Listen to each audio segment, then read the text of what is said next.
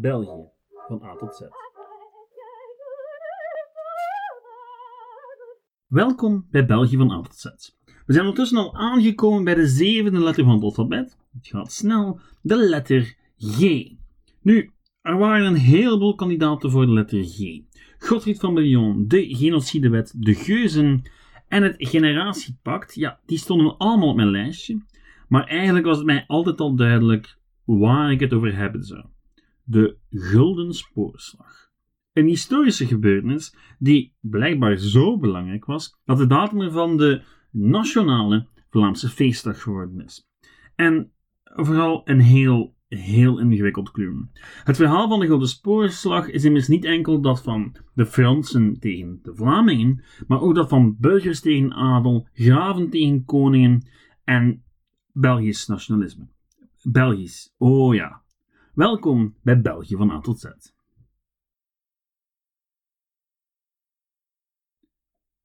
Voor we van start gaan, moet ik misschien eventjes uitleggen waarom dit Gulden Spoorslag 1 is. Um, logischerwijze wil dat zeggen, er is ook een Gulden Spoorslag 2. En, en misschien wel 3. Uh, normaliter probeer ik mijn aflevering zo, zowel genuanceerd als beknopt te houden. Maar dat is in dit geval helemaal niet gelukt. Toch zeker het beknopte deel niet. Hoe meer ik mij begon in te lezen, hoe meer diepgang ik wou geven aan de aflevering. En voor ik het wist, was ik een soort van korte geschiedenis van het graafschap Vlaanderen aan het schrijven. Dus, um, sorry. Dit wil zeggen dat de letter H eventjes zal moeten wachten. Maar, als u zich ooit al eens afgevraagd hebt waar het graafschap Vlaanderen vandaan komt, waarom de mascotte van Club Brugge een beer is en waarom de Engelsen en de Fransen zo vaak slaag raakten tijdens de middeleeuwen, wel, dan is deze aflevering voor jou. En als u wilt horen over Jan Breidel, Pieter de Koning en dergelijke, ja, dan moet u volgende week opnieuw luisteren. Sorry. Oh, en, en vroeg of laat heb ik het ook nog over de slag zelf hoor. Um, uiteindelijk, hoop ik. Goed, de Gulden Sporenslag dus. Een veldslag die we tot op de dag van vandaag herdenken. Wij Vlamingen toch, want ja, aan de andere kant van de taalgrens, en al zeker in Frankrijk, is men zich over het algemeen niet echt bewust van deze slag. En al helemaal niet van hoe belangrijk die wel geweest zou zijn. Wat mij tot de hoofdvraag van deze afleveringen brengt. Hoe belangrijk was die slag eigenlijk?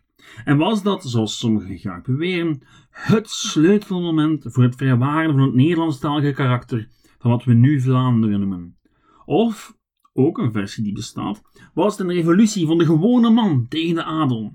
Of was het niet meer dan een conflict tussen een hoop edelen en stierven er vooral arme mensen in dienst daarvan? En als het dat allemaal niet was, wat was het dan wel? Om te beginnen was de Gulden Sporenslag een veldslag. Klinkt simpel, maar een veldslag staat eigenlijk nooit op zich. Want om het tot een veldslag te laten komen, moet er al heel wat gebeuren. Ten eerste moet je twee partijen hebben die boos genoeg zijn op elkaar om de rekening gewapenderhand te verheffen. En ten tweede moeten beide partijen toch wel een heleboel mensen op het slagveld weten te krijgen om van een gewapend treffen te kunnen spreken, van een echte veldslag. Anders heb je gewoon, ja, weet je, een, een, een vechtpartij, wat hooligans die afspreken op een parking. Ja, een veldslag is dat niet. En dan nog, dan heb je een echte veldslag, dan is dat vaak slechts één moment in de loop van een veel groter conflict. Zo kan je de slag van Waterloo bijvoorbeeld nooit begrijpen als je niet weet wie Napoleon was en wat die Napoleon de jaren daarvoor allemaal had uitgestoken. Een ander voorbeeld, de slag om de Ardennen. Slechts één van de vele grote slagen in de Tweede Wereldoorlog.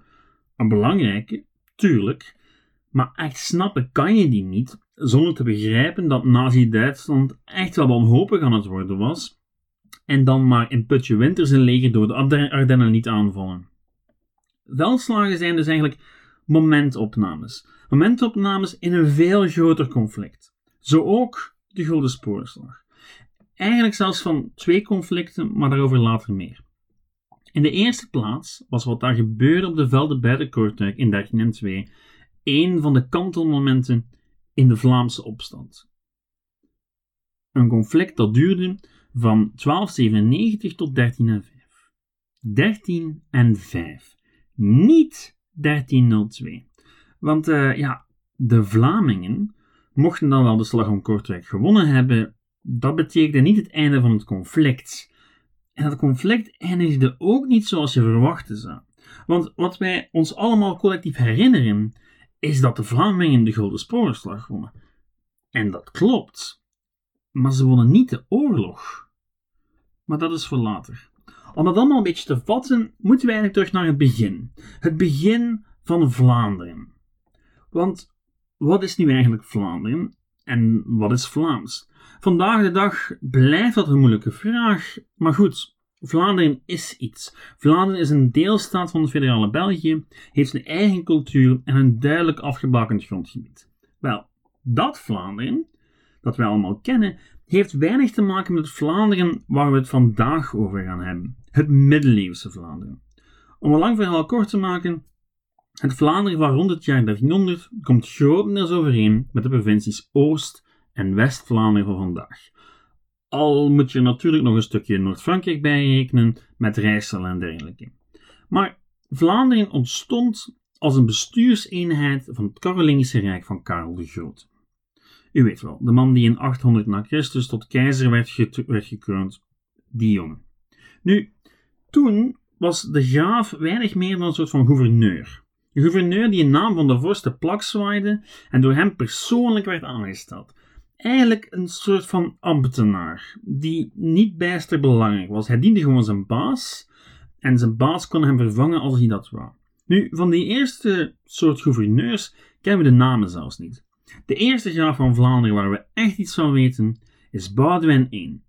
Oftewel, Boudewijn met een ijzeren arm. Dat is een pracht van een bijnaam. En als je zich afvraagt hoe die Boudewijn graaf van Vlaanderen geworden is, wel, ook dat, dat is een pracht van een verhaal. Boudewijn was naar alle waarschijnlijk een edelman die zijn sporen had verdiend in de oorlogen tussen de kleinzoons van Karel de Grote. En op een dag kwam hij aan het hof van Karel de Kale en maakte hij daar kennis met de dochter van de Franse koning, prinses Judith. Nu, eh, die Judith die had al wat watertjes doorzwommen. Ze was waarschijnlijk 17 of 19 jaar oud op dat moment en uh, ja, ze had al twee echtgenoten versleten. Beide waren koningen van Wessex, een koninkrijk in het zuiden van Engeland, en ja, ook nog eens vader en zoon daarbovenop. Nu was de levensverwachting van koning in Engeland redelijk laag op dat moment, met dank aan de vikings. En dus ja, was Judith dan maar terug naar papa gegaan, in plaats van te blijven wachten in een toren dat er een heleboel harige noorderlingen binnenstroomden. Nu goed, papa was waarschijnlijk van plan om haar voor een derde op een volgende keer uit te huwelijken, in de hoop een nieuwe bondgenoot te vinden, want Karel de Kale die had wel bondgenoten nodig. Een zoontje die hem kon helpen in zijn strijd tegen zijn broers en de occasionele vikinginvasie. Nu, die edelman met de heel sterke arm, ja, dat was niet echt iemand waar hij zijn dochter aan kon uithuwelijken. Nu, Judith had er een andere mening over, en hoe het precies gebeurde zullen we waarschijnlijk nooit weten, maar feit is dat Judith, Judith en Boudewijn er samen van doorgingen. En die twee slagen er uiteindelijk zelfs in om de paus zo ver te krijgen hun huwelijk goed te keuren. Bijgevolg kon Karel de Kale weinig anders dan zijn nieuwe schoonzoon met gezonde tegenzin in de armen te sluiten. En als bruidschat kreeg die Boudewijn de Gauw Vlaanderen. Klinkt fantastisch, was het niet. Want eigenlijk was die Gauw Vlaanderen toen een soort van vergiftigd geschenk. Dat gebied was veel kleiner dan het later worden zou. Het bestond in grote mate uit moerassen en een verstromingsgebied. En daar komt trouwens ook de naam Vlaanderen vandaan. Die komt van flam, dit spreek ik waarschijnlijk slecht uit, een vorm van het oergermense flauma. Dat staat voor vloed, stroom, stroming en modder. Wat dus betekent overstroming, overstroomd land, slijkland. Ja, niet bijster windgevens dus, op het eerste gezicht. Oh, en, de vikingen kwamen er ook vaak langs om alles wat niet vast zat mee te nemen. Nu, dat lijkt een moeilijke situatie, maar Boudewijn bleek uit het juiste hout gesneden te zijn. De vikingen werden tegengehouden met een boel versterkingen, het grondgebied uitgebreid en kloosters gesticht. Tegen het einde van zijn leven was de titel van graaf erfelijk geworden en was het graafschap Vlaanderen een powerhouse in wording. Geen onbelangrijke jongen dus die Boudewijn. En Volgens de legende zou de man zelfs verantwoordelijk zijn voor het ontstaan van de beruchte berenmascotte van Club Brugge. Onrechtstreeks wel te verstaan. Tijdens zijn vlucht met Judith zou Boudewijn in de bossen rond Brugge op een grote witte beer gestoten zijn. Een beer die toen al jaren Brugge en de dorpen er rond terroriseerde. En toen de beer zijn geliefde Judith probeerde te verorberen, doorboorde Boudewijn met een sterke... Wacht, nee. Boudewijn met een ijzeren arm de beer met zijn speer. En uit dankbaarheid zouden de inwoners van Brugge de beer vervolgens als een embleem genomen hebben. Maar goed, dat terzijde. Dat was in 1862. Toen ontstond het graafschap Vlaanderen. Nu, terwijl Vlaanderen echt vorm begon te krijgen, kreeg Frankrijk het in dezelfde periode steeds moeilijker. De Franse koningen hadden het heel moeilijk om hun greep op hun grondgebied te behouden. Want ja, de koninklijke familie raakte om de haverklap met elkaar slaag. En ja, die graven die werden vanaf een bepaald moment niet meer door de koning aangesteld. Dus ja, die begonnen vooral voor zichzelf macht te verzamelen. Oh, en, en de vikings. De vikings die bleven ook tijdens die hele periode een constant gevaar voor de goede orde. Eeuwenlang wisten de Franse koningen hun koninkrijk met de nodige moeite aan elkaar te houden. En in diezelfde periode werden de graven van Vlaanderen steeds machtiger en machtiger. Dat deden ze door een robbertje te vechten en die nodig, maar ook door huwelijksallianties en dergelijke, maar vooral door als enkele van de eerste heersers in Europa de steden te steunen. Want steden, ja, dat was een nieuwigheidje in de middeleeuwen. Grote steden waar veel mensen samenkwamen en waar mooie dingen gemaakt konden worden, zoals laken. Dingen die dan via de vele waterwegen die Vlaanderen rijk was, verscheept konden worden naar de rest van Europa. En ja, met die nieuwe rijkdom kwam ook meer politieke macht en ook heel veel aanzien. En op een bepaald moment sloeg Boudewijn de negende er zelfs in om heel eventjes keizer van Constantinopel te worden. Goed, eh, dat duurt niet bijster lang, maar toch redelijk indrukwekkend voor een graafschap dat in het begin weinig meer was dan een hoop moerassen. Die graven van Vlaanderen hadden veel macht. En ja, ze deden mee aan de kruistochten, ze deden mee aan huwelijksallianties. En Vlaanderen was trouwens ook geen eiland in die periode. Oké, het maakte nominaal deel uit van Frankrijk, maar het had goede banden met die andere staatjes in de regio. Staatjes die trouwens ook nog gaan meedoen in de Gulden Sporenslag. Want het is zeker niet zo dat het enkel de Vlamingen tegen de Fransen waren. Het was een veel bredere alliantie. Bijvoorbeeld, hè, Namen en Henegouwen zouden ook betrokken worden in heel die toestand toen. Die waren, dat waren onafhankelijke graafschapjes, maar af en toe was de graaf van Vlaanderen ook de graaf van Henegouwen. Allee, het was een kluwen. Dan had je ook nog de graaf van Holland, de hertog van Brabant. Daar was soms wat conflict mee. Maar om een lang verhaal kort te maken, voelde Vlaanderen zich wel oké in die kringen. De grootste bedreiging voor Vlaanderen tijdens de middeleeuwen was de grote broer Frankrijk en wat die allemaal uitstak. Nu, eeuwenlang, door ja, de decentralisatie in Frankrijk, door de chaos, was het graafschap Vlaanderen bijna even sterk als de Franse koning. Zo sterk zelfs, dat toen in 1179 de Franse koning stierf, de graaf van Vlaanderen aangeduid wordt als voogd en regent van de 14-jarige Philips. Nee, niet Philips de Schone, die is er volgende week, maar de man die later Philips Augustus genoemd zou worden. Dat jochie van 14 zou van Frankrijk uiteindelijk opnieuw een grootmacht maken. Met de nodige moeite weliswaar. Want het Frankrijk van toen worstelde met twee grote problemen. Enerzijds vazallen, zoals Vlaanderen en Champagne, die zich niet al te veel aantrokken van koninklijke autoriteit, en anderzijds de Engelsen. Engelsen die tegen het midden van de 12e eeuw zowat de helft van het Frankrijk van vandaag onder hun hoede hadden. Nu, dat was niet het resultaat van een soort van veroveringsoorlog, maar eerder van onze oude vriend dynastiek toeval. Dat zit zo. Henri, de graaf van Anjou, die kreeg via een huwelijk met Eleanor van Aquitanië controle over het zuidwesten van Frankrijk. Nu, Eleanor was zelf ja, een, een hele rijke vrouw, had heel veel macht. Tegelijkertijd, terwijl Henri de macht kreeg over een groot deel van Frankrijk, slaagde zijn moeder Mathilde erin om na een burgeroorlog van 20 jaar koningin van Engeland te worden. En zo werd die graaf Hendrik bij het overlijden van zijn moeder koning Hendrik II van Engeland. Nu, waarom is dat van belang voor de Gulden Spoorslag in 13 en 2? Wel, het creëert eigenlijk een context waarbij er in West-Europa twee grootmachten waren die in een eindeloos lijkende machtsstrijd verwikkeld waren. Een machtsstrijd die alle andere, net iets kleinere regio's, zoals Vlaanderen, Holland, Namen, Champagne en dergelijke, steeds opnieuw meesleepte. Let op, dit is niet de 100-jarige oorlog.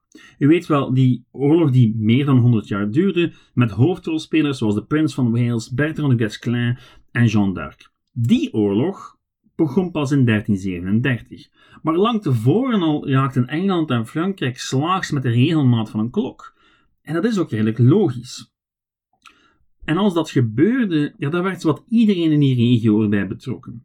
Philips Augustus, dat was de eerste vorst slang, die erin slaagde om Frankrijk terug op de kaart te zetten. En dat deed zij in de eerste plaats door gebruik te maken van de zwaktes van zijn vijanden. Toen in Engeland bijvoorbeeld Jan zonder land uh, aan de macht kwam, die kent u misschien wel als de, als de slechte prins in de Robin Hood. Klein voorbeeld. Wel, toen die aan de macht kwam na de dood van zijn iets legendarischere broer Richard Leeuwenard, dan slaagde de Philips erin om heel vlug heel veel terrein terug te nemen. Vandaar ook dat Jan de bijnaam kreeg Jan zonder land. En ook Vlaanderen verloor heel wat grondgebied aan Philips. En door de frustratie van die twee, van Vlaanderen en Engeland, kreeg je een grote anti-Franse coalitie. Een coalitie die tegen Philips zou optrekken bij een van de meest legendarische veldslagen van de middeleeuwen. Niet de Grote Sporenslag, maar de Slag van Bouvines. En die werd uitgevochten op 27 juli 1214 bij de stad Bouvines in het graafschap Vlaanderen. Nu eigenlijk in de buurt van Rijssel. En daar vocht een Frans leger tegen de Heilige Roomse keizer Otto IV, de graaf van Vlaanderen, de hertog van Brabant, de hertog van Lotharingen en de hertog van Limburg. Oftewel, een heleboel belangrijke heren die zo'n sterk Frankrijk niet zagen zitten. Oh, en het hele boeltje was achter de schermen georganiseerd door Jan zonder Land, die met zijn eigen troepen het westen van Frankrijk was binnengevallen. Goed, grote meerderheid voor de geallieerden, en toch verloren ze. En redelijk zwaar. En het eindigde eigenlijk niet goed voor alle deelnemers. De graaf van Vlaanderen werd gevangen genomen. Jan moest de Magna Carta aanvaarden terug in Engeland. En dan nog, ook nog wat grondgebied afstaan aan Philips. Otto IV werd afgezet. En plots, ja, plots leek de macht in Europa voor het eerst in honderden jaren tijd weer in Frankrijk te liggen. En de slag van Bouvines was dan ook een keerpunt. Ook voor Vlaanderen. De graaf, Ferrand van Portugal, die werd door Philips Augustus geketend meegevoerd door de straten van Parijs. Net zoals in een klassieke triomftocht. Dus de politieke hoogdagen van dat graafschap waren toen duidelijk voorbij. Politiek zou de Franse vorst steeds meer greep krijgen op zijn vazallen en die zou hij gaan gebruiken ook. En tegelijkertijd zou die spanning tussen Engeland en Frankrijk er niet minder op worden, want Engeland had nog steeds het graafschap Normandië in het noorden en Aquitanië en Gascogne in het zuiden. Dus ja, daar was wel wat mogelijkheid tot boel. En die spanningen die hadden grote gevolgen voor Vlaanderen. Want dat zit zo, Vlaanderen was rijk. En niet zozeer door het ontginnen van vruchtbare akkers, maar in de eerste plaats door handel, door nijverheid. Het Vlaamse laken bijvoorbeeld was een van de meest gewilde hebbedingetjes in het middeleeuwse Europa. Bruggen en dammen waren havensteden waar de hele toen gekende wereld voorbij kwam.